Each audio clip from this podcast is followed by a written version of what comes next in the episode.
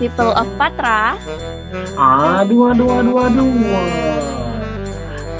Ayo selamat uh, malam. Di sini kita uh, di sini ada People of Patra di edisi Agustus 2021. Kenalin, aku T, Patra 19001 di sini bersama Alfat, Patra 19013. Kami dari Divisi Apresiasi dan Kekeluargaan. HMTM Patra ITB.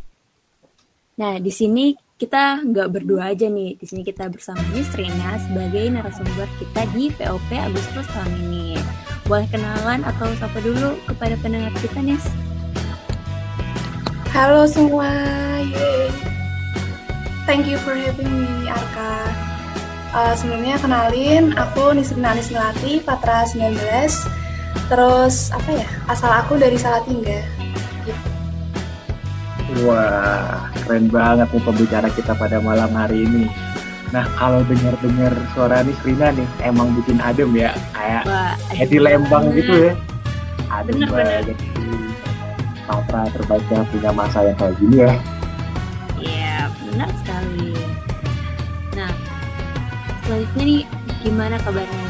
Nah, udah setahun kan kita kuliah di PM, udah melewati tahap yang pertama. Gimana nih kabarnya? Kabarnya uh, baik-baik aja, alhamdulillah sehat. Terus alhamdulillah juga bahagia. Alhamdulillah. Makanan gimana kabarnya? Oh, aku baik, oh. baik. Kalau aku mah walafiat nih, walafiat banget. Oke, semoga kita semua sehat walafiat ya, teman-teman.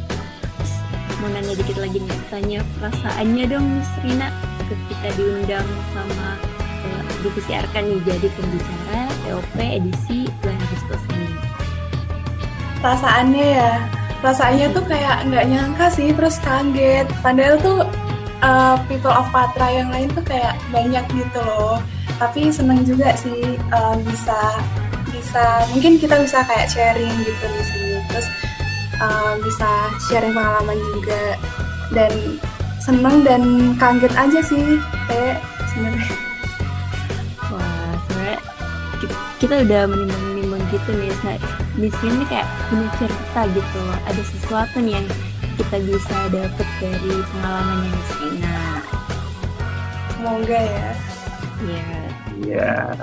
Nah Nis btw nih dengar-dengar kan kayak lagi liburan gini kayak kamu sibuk ya? Boleh tahu gak sih kayak kesibukan apa sih yang kamu ada gitu akhir-akhir ini? Akhir-akhir ini ya atau yeah. waktu liburan. Kalau waktu liburan tuh sebenarnya ini sih bad news sebenarnya kalau waktu liburan itu karena uh, liburan kemarin tuh nggak bisa ke mana-mana karena kena corona. oh my god. Tapi uh, alhamdulillahnya tuh masih bisa menurut aku sih produktif ya gara-gara ada uh, semacam acara gitu ngambil kelas summer. Jadinya ya lumayan hmm, lumayan bisa ngisi waktu gitu sama sama bisa apa mengembangin mengembangkan diri pas liburan gitu. Hmm, jadi liburannya tetap produktif gitu ya nih walaupun uh, sempat drop gitu kena covid selama liburan kali ini. Iya, alhamdulillahnya ada kesempatan kayak gitu. Alhamdulillah. Tapi gimana sekarang keadaannya nih? Udah sehat kah? Sehat-sehat, alhamdulillah banget uh, apa gejalanya juga nggak terlalu yang berat-berat gitu sih. Uh, jadi liburan kemarin selain ambil sama school, selain uh, pas drop itu kemarin, ada kegiatan lain nggak pas liburan itu? Um, kegiatan lain pas liburan itu ada organisasi sama ada kayak aku kan ada program beasiswa gitu. Jadi yeah. di beasiswanya itu uh, wajib eh bukan wajib sih kayak dapat privilege buat ngembangin diri dari program yang namanya lead self jadi hmm. uh, jadi selama liburan ngejalanin itu nah Nis selain gue denger masalah liburan yang udah bersama dan lain-lain itu ya uh-huh. dan aku denger-denger juga kamu dapat ini ya aktif buat nyari-nyari beasiswa-beasiswa gitu ya iya lumayan lumayan lumayan uh, jadinya waktu itu tuh dulu semester 1 kan kan aku tuh sebenarnya pengen bidik misi cuman nggak bisa bidik misi terus oh ya udah gitu menerimalah tawakal gitu. Eh terus nyari nyari nyari akhirnya ketemu uh, yang namanya beasiswa Tanoto Foundation. Terus alhamdulillahnya uh, keterima gitu. Hmm, kalau masalah Tanoto Foundation ya aku denger dengar tuh Tanoto Foundation tuh beneran kayak ketat banget gitu gak sih? Dan persaingannya tuh beneran seantero KM ITB gitulah. Berarti kamu adalah orang terbaik dong dari masa Patra yang dapat Tanoto ya? Aduh aduh aduh. Uh, sebenarnya tuh pendaftarannya kalau dibilang ketat uh, cukup ketat lumayan. Jadi dulu tuh ada tahapan kalau nggak salah tuh empat tahapan seleksi. Yang pertama tuh administrasi terus uh, wawan eh tes psikologi terus wawancara sama sama psikolog, terus di situ ada FGD, terus wawancara sama HR-nya. Eh ada lima berarti. Terus uh, kalau dibilang ketat, emang lumayan ketat sih karena kalau katanya dari Tanotonya sendiri itu kemungkinannya keterima itu cuma satu persen gitu dari seluruh Indonesia yang daftar. Gitu. Tapi alhamdulillah banget lolos. Alhamdulillah. Satu persen teh. Iya, waduh aku Aduh. yang ngebayangin aja kayak pasti susahnya minta ampun kan Pat iya itu mah aku baru masuk masukin CV langsung ditolak. Aku mah itu. Ya gitu juga dong Pak oh iya. Tapi mau nanya-nanya mau ngulik-ngulik sedikit nih tentang beasiswa Tanoto Foundation ini nih. Hmm. kamu dapetnya itu uh, di semester berapa gitu pendaftarannya itu dibukanya dari semester 1, terus mm -hmm. uh, seleksinya kan panjang gitu kan.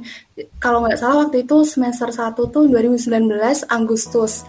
Agustus terus pengumumannya baru Februari kalau nggak uh, Januari 2020 gitu. Jadi kayak ada berbulan-bulan gitu seleksinya.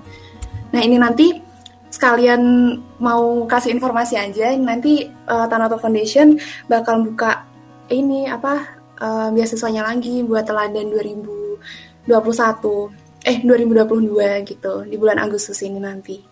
Gitu. Wah, dapat info juga nih ada beasiswa Taroto Foundation yang dibuka buat tahun 2022 wah makasih banget nih Nis informasinya. Tapi tapi kamu kan berbulan-bulan gitu eh, apa eh, mengikuti tahap penyeleksian beasiswa itu kan? Mm -hmm. nah gimana tuh kamu bisa maksudnya ceritain dong gimana bisa keterima? Ada tips ada sesuatunya nggak? Maksudnya uh, ada cerita-cerita unik di dalamnya gitu yang buat kamu semangat banget jadi mau banget gitu keterima di beasiswa Tanato ini uh, waktu itu tuh aku kayak bener-bener mau banget, pengen banget keterima di ini, di apa di Tanoto Foundation ini, karena aku tuh lihat privilege-nya setelah jadi scholars itu banyak banget, beneran banyak banget bisa uh, ngembangin diri di uh, Tanoto Foundation. Jadi waktu itu tuh waktu proses seleksi administrasi, misalkan suruh buat esai gitu ya, aku buat semaksimal mungkin sampai nanya-nanya sama sama guru-guruku. Uh, ini gimana ini gimana gitu. Pokoknya sampai kayak koreksi-koreksi gitu. Padahal cuma 200 kata waktu itu esainya.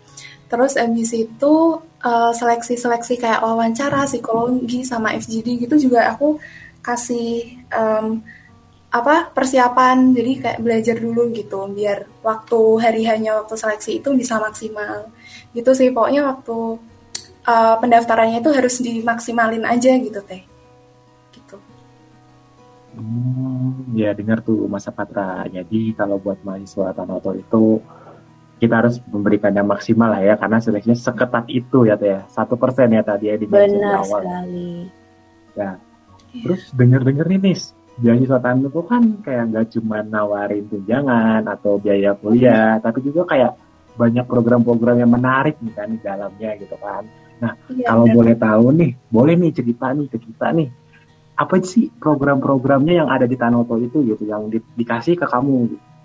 Nah oke, okay. jadi sebelumnya tuh juga mau kasih tips lagi sih, kalau cari beasiswa tuh jangan melulu yang uh, ah aku dapat uh, apa monthly in income gitu, dapat uang bulanan, kalau enggak UKT-nya terbayarkan gitu, itu saran aku jangan sih, maksudnya pilih yang best of the best gitu. Nah kalau di Tanoto Foundation ini sendiri itu punya program-program uh, kayak bidang pengembangan gitu loh buat scholarsnya. Jadi ada kayak uh, misalkan kemarin aku 18 bulan itu menjalani yang namanya lead self program. Lead self program itu gimana caranya kita uh, kan ini kan leadership program kan Tanoto Foundation ini. Itu tuh lead self itu kita diajarin gimana caranya kita memimpin diri sendiri sebelum memimpin orang lain. Karena tujuannya Tanoto Foundation ini uh, buat uh, membentuk pemimpin di masa depan gitu. Terus habis itu yang kedua uh, yang sekarang aku jalanin itu ada namanya Lead Others, Lead Others program. Jadi kan kemarin dia Lead Self tuh udah berhasil memimpin diri sendiri. Nah akhirnya ke Lead Self program, eh Lead Others program. Terus habis itu kalau 18 bulan nanti udah selesai itu kita dikasih kayak career preparation gitu buat uh, buat prepare uh, karirnya kita ke depan gitu. Terus apalagi ya selain itu tuh ada um, ada privilege lain program-program lain kayak misalkan internship. Jadi Tanoto Foundation tuh punya beberapa perusahaan gitu terus kita bisa nanti apply internshipnya. Terus habis itu ada juga uh, sponsorship. Nah sponsor sponsorship ini tuh nanti bisa misalkan kita ada uh, project apa kalau nggak mau lomba apa kalau nggak mau kayak ikut international summit ke mana gitu. Nah kita bisa ngajuin uh, sponsorship ke Tanoto Foundation-nya itu. Terus ambisi itu ada apa lagi ya? Uh, habis itu, oh ini yang paling hype, yang paling menurut aku yang paling menggiurkan itu ada Global Experience Program. Jadi Global Experience Program ini nanti tuh uh, dari Tanotonya milih beberapa scholarsnya buat um, diikutin program-program kayak summer course, winter course, kalau nggak kayak misalkan uh, online course gitu kayak misalkan Harvard uh, online course yang bisnis gitu. Terus ada juga apa ya? Ada juga TSG. TSG itu Tamatol Scholars Gathering. Terus ada TSA itu Tamatol Scholars Association. Terus kita juga bisa ikut programnya kayak Pay It Forward. Pay It Forward itu kayak hmm, istilah kasarnya uh, apa ya istilah simpelnya tuh kayak sosmas gitu kayak pengmas gitu karena apa yang udah kita dapetin uh, selama jadi scholars di Tanoto itu tuh harus kita pay it forward kan ke orang-orang biar kita bisa kasih good impact ke community gitu. Wow panjang sekali. Hmm, menarik banget ya programnya kayak banyak banget gitu dan sangat-sangat mendidik orang-orang yang mendapatkan program ini gitu. Terus aku kayak ada yang bikin aku penasaran sih Riz ya, yang udah kamu jalani kan lead self ya tadi ya. Lead self betul. Nah lead self, aku pengen tahu sih nih saya apa sih yang berdampak dari diri kamu gitu kayak dari lead self itu kamu udah jadi maju ke depan seperti apa gitu. Oke, jadi lead self tadi kan kayak memimpin diri sendiri ya memimpin diri sendiri sebelum bisa memimpin orang lain. Jadi di self itu aku uh, banyakkan belajar tentang uh, tentang diri aku. Gimana cara aku ngenalin diri sendiri? Kayak misalkan uh, kita diajarin tentang kita diajarin tentang kayak uh, self awareness, terus kita ngenalin strength kita gimana, terus kita ngenalin personality, habis itu juga uh, gimana cara regulasi emosi, gimana cara ngatasin emosi yang negatif, habis itu gimana cara ngatasin unrealistic thinking, misalkan kayak suzon gitu, terus juga um, kita tuh juga diajarin tentang SDG, gimana caranya kita tuh mendukung SDG, terus dari situ apa ya banyak banget sih kayak decision making, terus grid, terus gimana caranya setting goals, terus planning, terus manajemen, banyak banget pokoknya. Tapi um, intinya di lead self itu kita punya kayak namanya tuh code of conduct. Code of conduct itu tuh kayak kita tuh uh, pakai prinsip ini banget gitu. Jadi prinsipnya itu ada uh, integrity, terus strive for excellence, grit sama caring gitu. Terus um, di akhir itu di lead self aku bisa nentuin goals atau tujuan hidupku tuh nanti mau aku bawa ke mana gitu sama uh, plan-plan ke depannya bakal gimana gitu. Wah keren banget ya. Jadi kayak iri kayak kayak gimana ya? iri aja gitu waduh gue nggak bisa dapat auto dan kamu udah dapat sebanyak itu program dari dia gitu kan ya mau nanya lagi nih Nes nah dari sekian banyak nih eh, program-program yang kamu udah sebut tadi ada lead self atau lead other program jenis sponsorship lah atau global experience yang kamu bilang hype tadi itu kamu aktif nggak di semua programnya atau kamu mungkin punya kesibukan lain yang sehingga ada beberapa yang ke skip gitu gimana? Nah karena aku udah dapat privilege sebesar ini, otomatis aku ini dong apa namanya harus bisa manfaatin gitu loh teh. Jadi aku hmm. uh, alhamdulillahnya aktif di uh, lumayan semuanya, tapi aku belum yang coba yang internship gitu. Hmm. Tapi kenapa gitu kamu mau ada motivasi dalam diri gitu nggak atau motivasi dari luar yang buat kamu sehingga ih ini programnya wah pokoknya nggak boleh skip deh pokoknya hmm. gimana gitu dari kamunya karena gimana ya uh, karena aku ngerasa udah dapet privilege sebesar ini jadi otomatis aku harus manfaatin semaksimal mungkin lah jadinya ikut uh, apa pelatihan dasar kepemimpinan, kepemimpinan itu mungkin bisa jadi jalan aku ke depannya buat jadi uh, pemimpin masa depan bangsa gitu. Terus uh, selain itu tuh juga program-programnya Tanoto menurut aku tuh bisa banget ngembangin diri kamu gitu, sama bisa bikin kamu tuh uh, lebih impactful gitu loh ke society gitu. Wah, jadi benar-benar semua programnya itu menuju ke satu arah gitu ya, nih menjadi uh, apa tadi?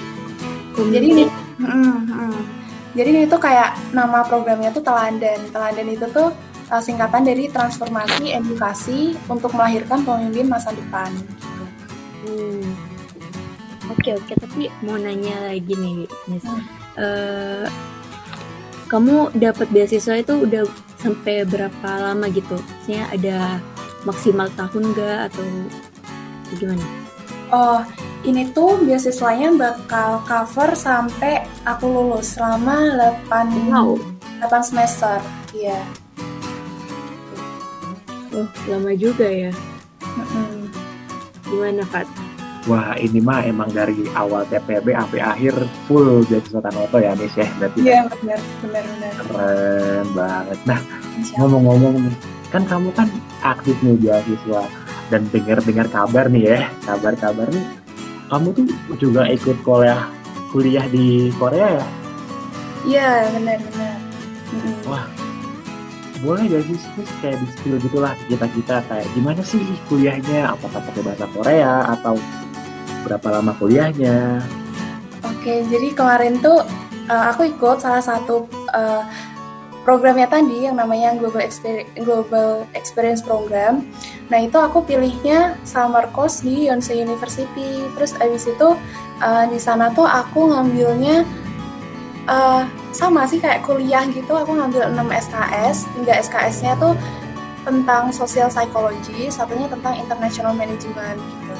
Terus um, seru banget sih seru banget itu experience yang nggak akan terlupakan dan dari situ tuh bisa dapat banyak hal selain ilmu networking itu tuh juga aku bisa lihat uh, ya sistemnya kuliah di luar tuh oh ternyata kayak gini nah ngomong-ngomong nih?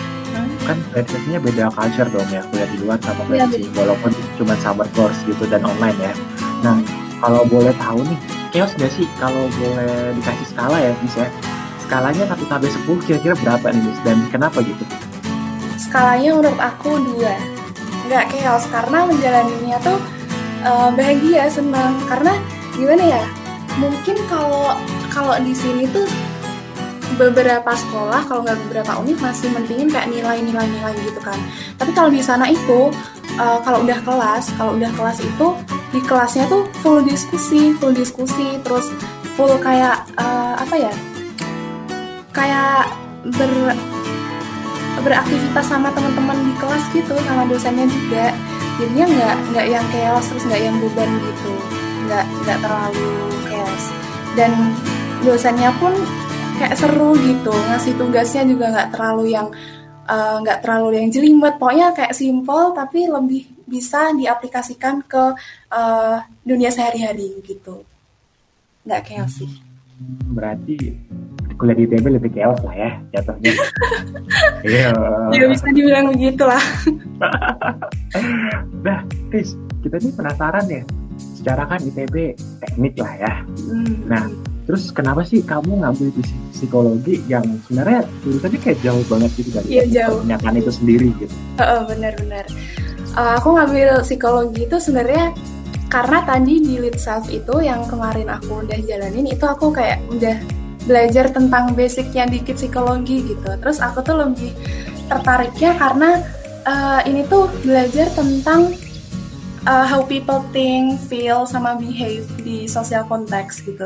Tentang social self, tentang attitude, stereotip, terus bahkan tuh tentang attraction dan kayak close relationship gitu kayak perbucinan oh my god. Gitu jadinya kayak uh, mungkin ini tuh bisa mendukung aku uh, di program apa kepemimpinan tadi gitu. Gitu sih. Bisa belajar perbucinan ya ya iya iya beneran bisa ini kayaknya kamu bisa jadi apa ya penasehat masa Patra nih untuk Waduh. untuk perbucinan duniawinya ya. Aduh aduh. nah kalau misalkan ya kalau online gini kan susah lah ya ketemu teman karena kamu cuma ngeliatnya di online gitu. Buat di sana tuh teman-temannya tuh gimana sih dan cara interaksi di kelas dan kegiatan lain yang bisa diadain ketika kamu summer course ini gimana? Wah itu teman-temannya out of the box semua. Karena yang pertama tuh kelas ini ya kelas sosial psikologi tadi itu uh, kemarin kalau nggak salah ada 47 siswa. Dan mereka itu mah uh, mayoritasnya nggak yang dari Korea gitu nggak. Jadi yang dari uh, Eropa sama Amerika biasanya. Terus mereka itu uh, perbedaannya sama yang di sini tuh gimana ya? Lebih open minded terus lebih uh, gimana ya? Lebih kritis gitu. Dan orang-orangnya tuh yang ikut di uh, summer ini tuh keren-keren. Bahkan temanku tuh ada yang udah uh, jadi vice president di company apalah gitu. Terus internship di mana gitu. Kayak perusahaannya tuh keren-keren gitu. Ada juga yang udah uh, kerja bahkan jadi kayak investment analysis gitu di salah satu bank di Singapura.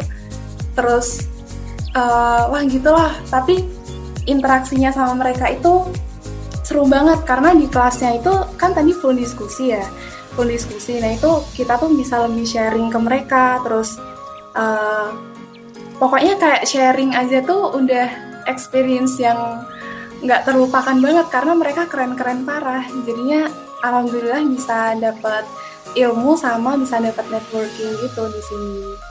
Tuh hmm, boleh nggak di kayak di skill lagi nih? Kan banyak ya teman-teman kelasnya. Mungkin kamu bisa sebutin dari mana aja nih teman-temannya gitu.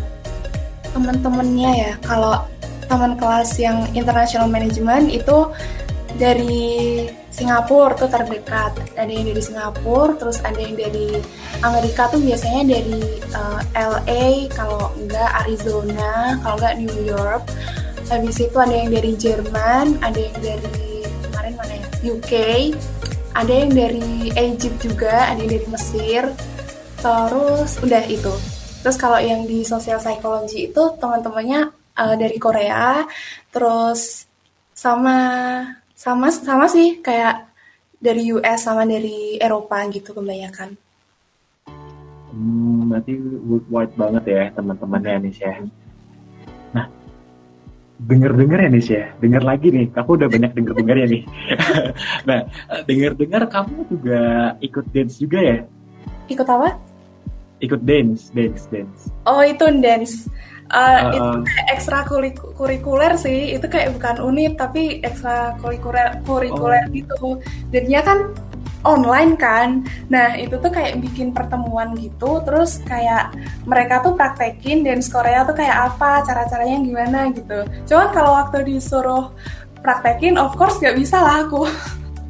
Hmm. Cuman tertarik aja gitu, kayaknya seru ngedance ngedance gitu berarti kamu bisa jadi idol dong kayak Blackpink kayak Lisa ya enggak enggak juga. Oh, enggak ya oh. oke oke. Jadi next topik nih Nis. Dari uh, summer course tadi itu kan pasti seleksinya tuh susah banget karena hmm. kalau yang aku tahu yang say University itu tuh salah satu dari top 3 universitas yang ada di Korsel yang gak sih? Nah kamu ngikutinnya itu kan memang dari beasiswa uh, beasiswa tadi kan beasiswa tanah tadi. Tapi pasti kamu bakal dengan orang-orang di luar sana yang kamu sebutin tadi. Ada dari Singapura, Amerika, dari Eropa gitu. Itu seketat apa dan sesusah apa gitu? Kalau emang effort kamu gimana waktu seleksi kemarin? Boleh diceritain.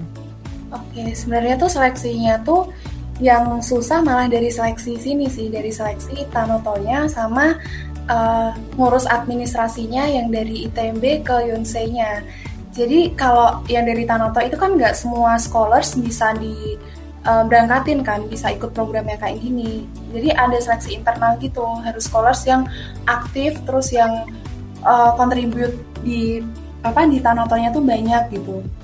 Terus juga uh, ngurus administrasinya sih yang agak ribet karena kemarin itu harus bikin paspor lalala gitu. Tapi kalau untuk um, apa seleksi masuknya di Yonsei-nya itu malah enggak malah malah enggak susah karena kan kan tadi dengan proses administrasi yang agak jelimet tadi uh, dari ITB kan ada tuh namanya International Relation uh, Office kan IRO ITB. Nah mereka itu bikin nominasi gitu surat nominasi jadi mahasiswa, uh, mahasiswanya di ITB itu kayak dinominasiin ke Yonsei University buat ikut uh, programnya summer school ini. Terus akhirnya karena mungkin uh, dari ITB juga udah mempermudah administrasinya, jadinya aku cuman uh, ngurus administrasi, terus bayar invoice, terus lengkapin data-data, terus udah keterima gitu aja. Dan yang susah itu bukan masalah di uh, masuknya sih, lebih ke uh, waktu pelajarannya. Karena uh, jujur uh, grading polisinya di uh, Yonsei sama di ITB itu beda jauh. Misalkan di ITB tuh uh, 85 gitu udah dapat AB AB kalau nggak AB ya di beberapa matkul. AB kalau nggak A di beberapa matkul. Nah kalau di Yonsei itu uh, 80 sampai 85 itu gradingnya dapat B men gitu. Jadi lebih susahnya itu ke gimana caranya kita tuh semangat ngejalanin summer schoolnya sih. Gitu. Waduh ini di luar di luar apa ya di luar nalarku gitu loh nih kirain gimana ya? Kayak kirain uh, ya apa ya susah emang gitu kan susah uh, buat administrasi. Soalnya kamu bilang tadi ada tapi udah dapat bantuan dari ITB dan uh, sampai buat paspor ya waduh. Ya harus kirain password buat paspor buat ini ke luar negeri aja. Ternyata sampai belajar pun harus lengkap administrasi banget ya Nis iya. tapi um, aku mau nanya kenapa sih kamu milih Yonsei University gitu? Apa emang kamu dikasih pilihan atau lihat ada peluang bisa masuk? Boleh diceritain dikit nih Nah, waktu itu sebenarnya pilihannya itu ada banyak gitu. Ada Korea University, Yonsei, terus ada Hanyang, ada uh, Univ di Rusia, di Belanda gitu juga ada. Di Harvard Business Online School pun ada gitu. Cuman aku tuh pilih Yonsei karena uh, sebelumnya aku udah search-search course-nya, terus kayak cocok aja gitu sama silabus course-nya. Terus Kenapa milih Yonsei juga? Karena tadi seperti yang Ute bilang kan termasuk dalam top 3 kan uh, univ di sana gitu. Terus uh, pengajarnya pun sebelum sebelum cari eh sebelum daftar itu aku cari nama dosen-dosennya. Ternyata dosennya tuh udah yang overpower overpower gitu loh, udah expert di bidangnya masing-masing. Jadinya aku pilih Yonsei gitu. Waduh, ternyata nggak serta merta langsung milih gitu ya Nis. Ada pertimbangan-pertimbangan di dalamnya. Tapi keren banget sih Nis, sumpah kayak aku dengar korsel aja itu kayak aku udah merasa jauh gitu. Kayak kayaknya nggak bisa deh, kayaknya nggak bisa. Ternyata kamu bisa gitu sampai belajar ke sana Nis. Sumpah keren banget. Nah, ngomong-ngomong kan kamu kejar di korsel ya Nis ya kita mau dong nih kayak gimana ya perkenalan dong pakai bahasa Korea gitu sekali eh, gitu. Gak bisa. Oh gak bisa ya? karena boleh banget. Coba eh, coba. Karena pelajarannya di sana itu pakai bahasa Inggris, full bahasa Inggris. Aku nggak bisa bahasa Korea sumpah. K-pop K-pop aja nggak ngerti. Oh my god. Tapi pasti oh, diajarin introduce gitu kan Nils? Enggak, beneran teh nggak bisa. beneran noob. Cuman aku bisa kayak uh, huruf-hurufnya aja kayak bacanya lumayan belajar. Tapi kalau ngomong nggak bisa beneran. Pokoknya gila sih Miss. Gue dari tadi ya denger dengarnya dari awal dalam cerita kenapa dapat beasiswa. Itu kayak wah aku pernah apa? Gitu. Kayak aku nggak ngapa-ngapain sampai sekarang. Uh, nggak gitu juga sih Fat. Maksudnya kan uh, aku pernah baca buku yang di sosial psychology tadi. Jadi kayak gini bilangnya uh, the best time to plant a tree was 20 years ago tapi the second best time is right now so nggak ada kata buat terlambat gitu Fat Hmm, there's no late ya. Yeah. Memotivasi banget nih Teh. Sumpah ini lulusan Yonsei ini ya summer course udah memotivasi kita nih Teh. Aku jadi menggebu-gebu juga nih Nes kayak dengerin yeah. kisah kamu. Ya ampun. Tapi sekarang hmm. udah selesai nggak Nis itu summer course-nya? Iya udah selesai, udah udah tinggal nunggu transkrip nilainya dikirim ke ITB aja. Masya Allah. Hmm semoga sesuai apa yang kamu harapkan lah guys ya. Ya, ya. Thank you, thank you. Nah, udah denger nih yang keren-keren dari Yonsei nih. Sebenarnya aku kepo lagi sih, Nis. Kenapa sih kamu tuh bisa aktif gitu? Padahal kan ini pandemi ya, banyak halangan, rintangan gitu. Hmm. Boleh gak sih di-spill dikit-dikit gitu? Kenapa bisa aktif yang gituan? Karena tuh motivasi dari dalam diri aja pengen pengen uh, apa one step ahead lah pokoknya. Pengen kan aku kan dari dari desa gitu kecil. Terus di sini tuh teman-teman aku tuh kebanyakan udah pada nikah semua bahkan punya anak gitu. Terus aku pengen pengen aja gitu. Kalau orang kecil tuh bisa juga bermimpi besar gitu sih. Gitu kendala-kendalanya tuh apa ya kalau yang dihadapin uh, palingan karena aku dari desa jadinya kayak fasilitas dan sarana prasarananya tuh susah gitu. Bahkan di sini aja tuh sinyalnya tuh eh kalau misalkan kamu ke rumahku kayak kamu tuh lagi internship ke offshore mana gitu nggak bisa ngehubungin siapa-siapa gitu. wah susah juga ya rintangan berat banget dengan yang online gini kan otomatis serba internet gitu kan ya ya wah keren sih Nes kamu bisa apa ya namanya bisa ngadepin itu semua gitu sampai keterima nih di sahabat course kemarin Iya, alhamdulillah. Tadi dengar-dengar kamu ada hambatan di, di kendala sinyal kayak gitu nih. Gimana nih cara kamu biar menghadapi kendala-kendala tersebut gitu kayak karena nggak mungkin kan cuman ada satu satu dua hambatan gitu pasti ada banyak hambatan kan yang kamu lalui. Iya, sebenarnya tuh hambatan terbesarnya selain dari sinyal tadi, uh, bentar, bentar, kalau sinyal tuh caranya nge ngehadapin aku bikin backup plan gitu, misalkan kayak hujan deras gitu kan, hujan deras. Kalau enggak uh, anginnya lagi kencang gitu. Nah aku tuh udah udah bilang sama tetangga yang yang jauh gitu, yang beda beda desa gitu, aku nanti nebeng ya ke rumah mau cari sinyal seperti biasa gitu.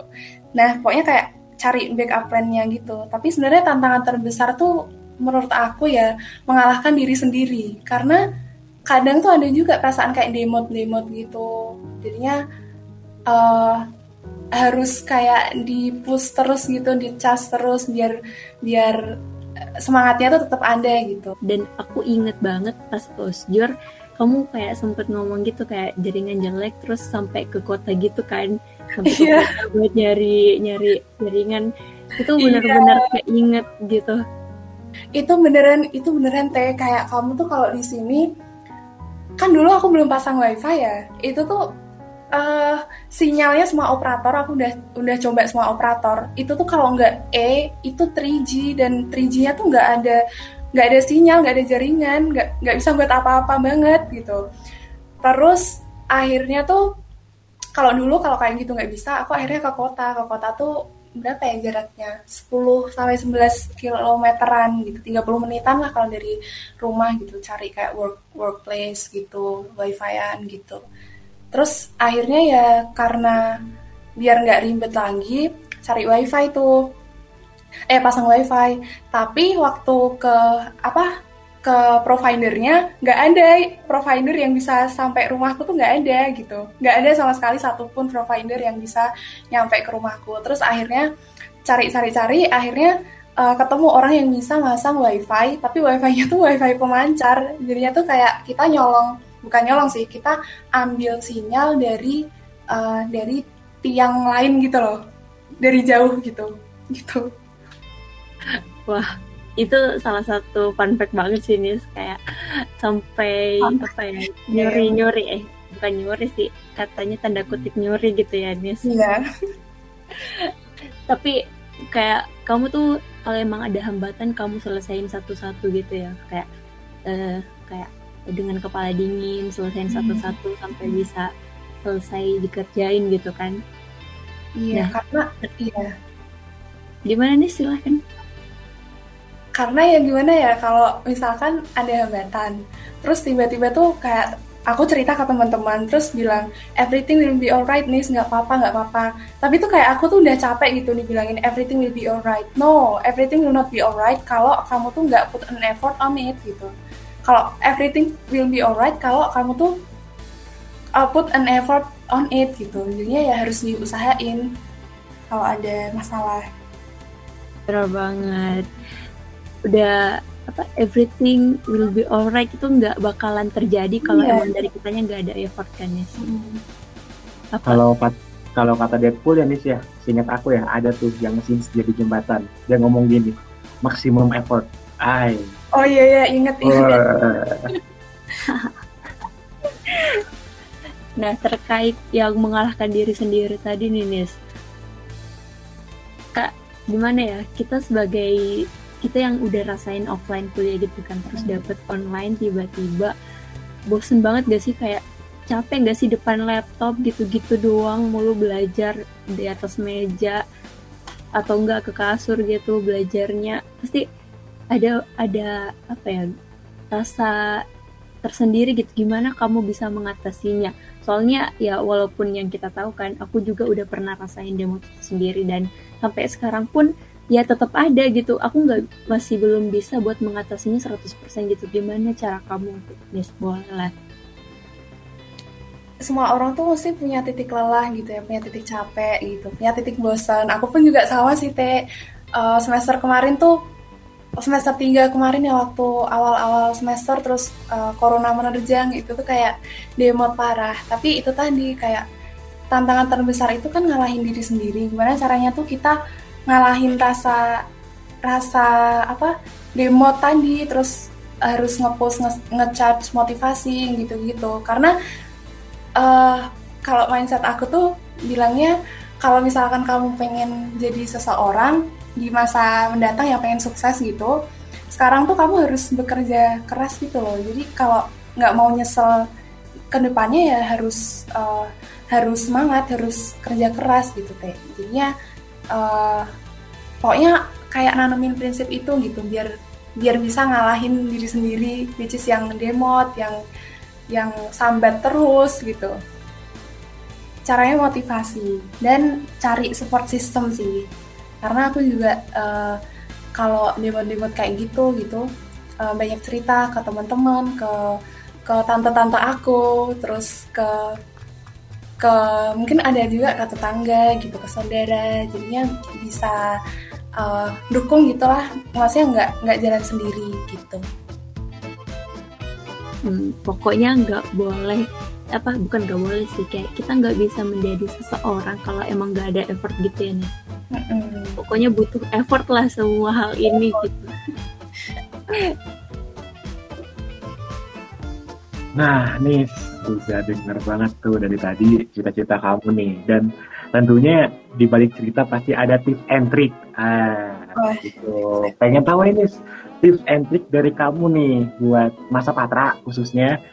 Kan kamu aktif di sini di sana terus ikut summer course segala macam. Boleh nggak sih kasih kita tips and trick agar bisa uh, kayak gitu juga mungkin atau lebih gitu? Oke tips tips and triknya yang pertama mau mau belajar mau mencoba sama mau uh, cari informasi-informasi uh, tentang kayak gitu. Misalkan tentang aktivitas yang kayak tadi summer course kalau nggak beasiswa gitu. Karena buat apa? Buat ngembangin diri kita sendiri. Terus yang kedua apa ya? Yang kedua tipsnya uh, banyakin exposure keluar sama banyakin uh, ngembangin diri gitu jadi kan kalau kita lulus terus kita cuman berbekal ilmu doang di TM itu kan nggak cukup kan. Jadinya uh, kembangin diri kayak misalkan tadi self awareness terus gimana caranya uh, caranya apa uh, ngatasin emosi negatif, terus leadership kayak soft skill soft soft skill gitu. Terus juga um, tadi sih kayak mau mencoba hal-hal baru gitu aja. Misalkan uh, cari-cari di Instagram kah, di uh, Twitter atau di internet gitu tentang uh, exposure exposure keluar gitu biar kalau kita lulus tuh kita nggak cuma berbekal ilmu TM tapi juga punya dekorasi-dekorasi lain yang bisa bikin kita tuh um, brandingnya nanti bagus gitu kalau udah lulus. Tips and trick yang sangat simpel tapi berdampak besar ya Nis ya. Nah. Pokoknya tips and triknya sampai ke hati banget nih, Pak. Kalau kata orang sekarang bukan ke hati, Teh. Kata Gilang Zen tuh, kata Gilang Zen ini ya, Gilang Zen. To the bone, sampai tulang. Sumpah lah, kayak tips and tricking dari Nisrina ini boleh banget kita jadiin apa ya dicatat gitu buat para pendengar sekalian. Nah, uh, buat para pendengar dari People of Patra edisi Agustus 2021 ini kita udah ngobrol-ngobrol nih sama uh, Doro Nisrina, Nisrina yang uh, yang walaupun sempat sakit ya nih, sempat sakit, tapi selalu apa ya? Ada aja gitu yang bisa dia kerjain, yang biasa dia jadiin sesuatu yang buat ngembangin diri dia sendiri. Kita dengar tadi juga udah uh, apa ya ikutin beasiswa Tanako mulai dari uh, mendaftarnya itu udah dari 2019 udah dari semester pertama dan ber, berbulan-bulan untuk mendaftarnya sampai dapet dan gak disia-siain gitu. Effort yang udah dia lakuin pas mendaftar itu nggak disia-siain dilanjutin uh, semuanya sampai semua program-program yang ada pun dia aktif di situ. Ya walaupun tadi uh, ada beberapa yang nggak nggak sempet dia ikutin tapi uh, overall itu dia aktif gitu. Dan selain itu dia juga sempat ikutin summer course yang ada di uh, Yonsei University. Bahkan itu jadi top 3 di Korsal dan menurut uh, dia banyak banget bisa diambil dari ikutan summer course pokoknya cari aja gitu hal-hal yang yang bisa apa ya mendukung mendukung dia mengembangkan diri gitu. Yang out of the box yang uh, di luar dari di luar dari zona nyamannya dia itu. Uh, sampai tips tips and trick dari ini sih tadi um, walaupun banyak rintangan seperti tadi dia harus cari backup plan yang harus nyari wifi dan lain-lain lah mengalahkan diri sendiri lah harus ngecharge motivasi yang sampai bisa kita kutip nih everything will be alright? No harus ada effortnya anjay. Gitu. Uh, buat People of Patra edisi bulan Agustus kali ini um, kayaknya udah nih ya ya sayang banget. Padahal tuh aku tuh pengen gue tau kayak denger cerita lebih nih dari Miss Rina nih. Masih kepo-kepo gitu lah ya sebenarnya ya. Tapi karena keterbatasan waktu dan uh, panjangnya podcast ini jadi sayang banget nih untuk masa Patra bisa nih kalau mau kedengar cerita dari Serina bisa langsung PC atau langsung telepon aja di Serina boleh nggak Nis? Iya boleh banget boleh boleh. Nah dan aku juga mau bilang dan aku mewakili divisi Arta mengucapkan terima kasih ke kamu karena udah ngasih banyak cerita yang benar-benar ngasih kita insight baru, benar-benar ngasih kita motivasi untuk menjadi lebih dan dan hambatan itu bukan halangan terbesar gitu, tapi gimana kita punya kemauan, maka apa yang kita inginkan akan tercapai, bener gak nih? Bener, dan aku makasih juga buat Arka. Thank you for having me. Seneng banget bisa sharing-sharing kayak gini ngobrol sama Arka. Dan semoga sharingnya bisa bermanfaat buat yang dengerin nantinya. Nah, oke okay, nih, makasih banget ya. Dan untuk masa Patra nih, jangan lupa masih ada POP POP selanjutnya. Sampai jumpa di POP selanjutnya. Terima kasih Masa Patra. kasih. Kami, saya Alfat Salam Patra 19013. Saya Utet. Sampai jumpa.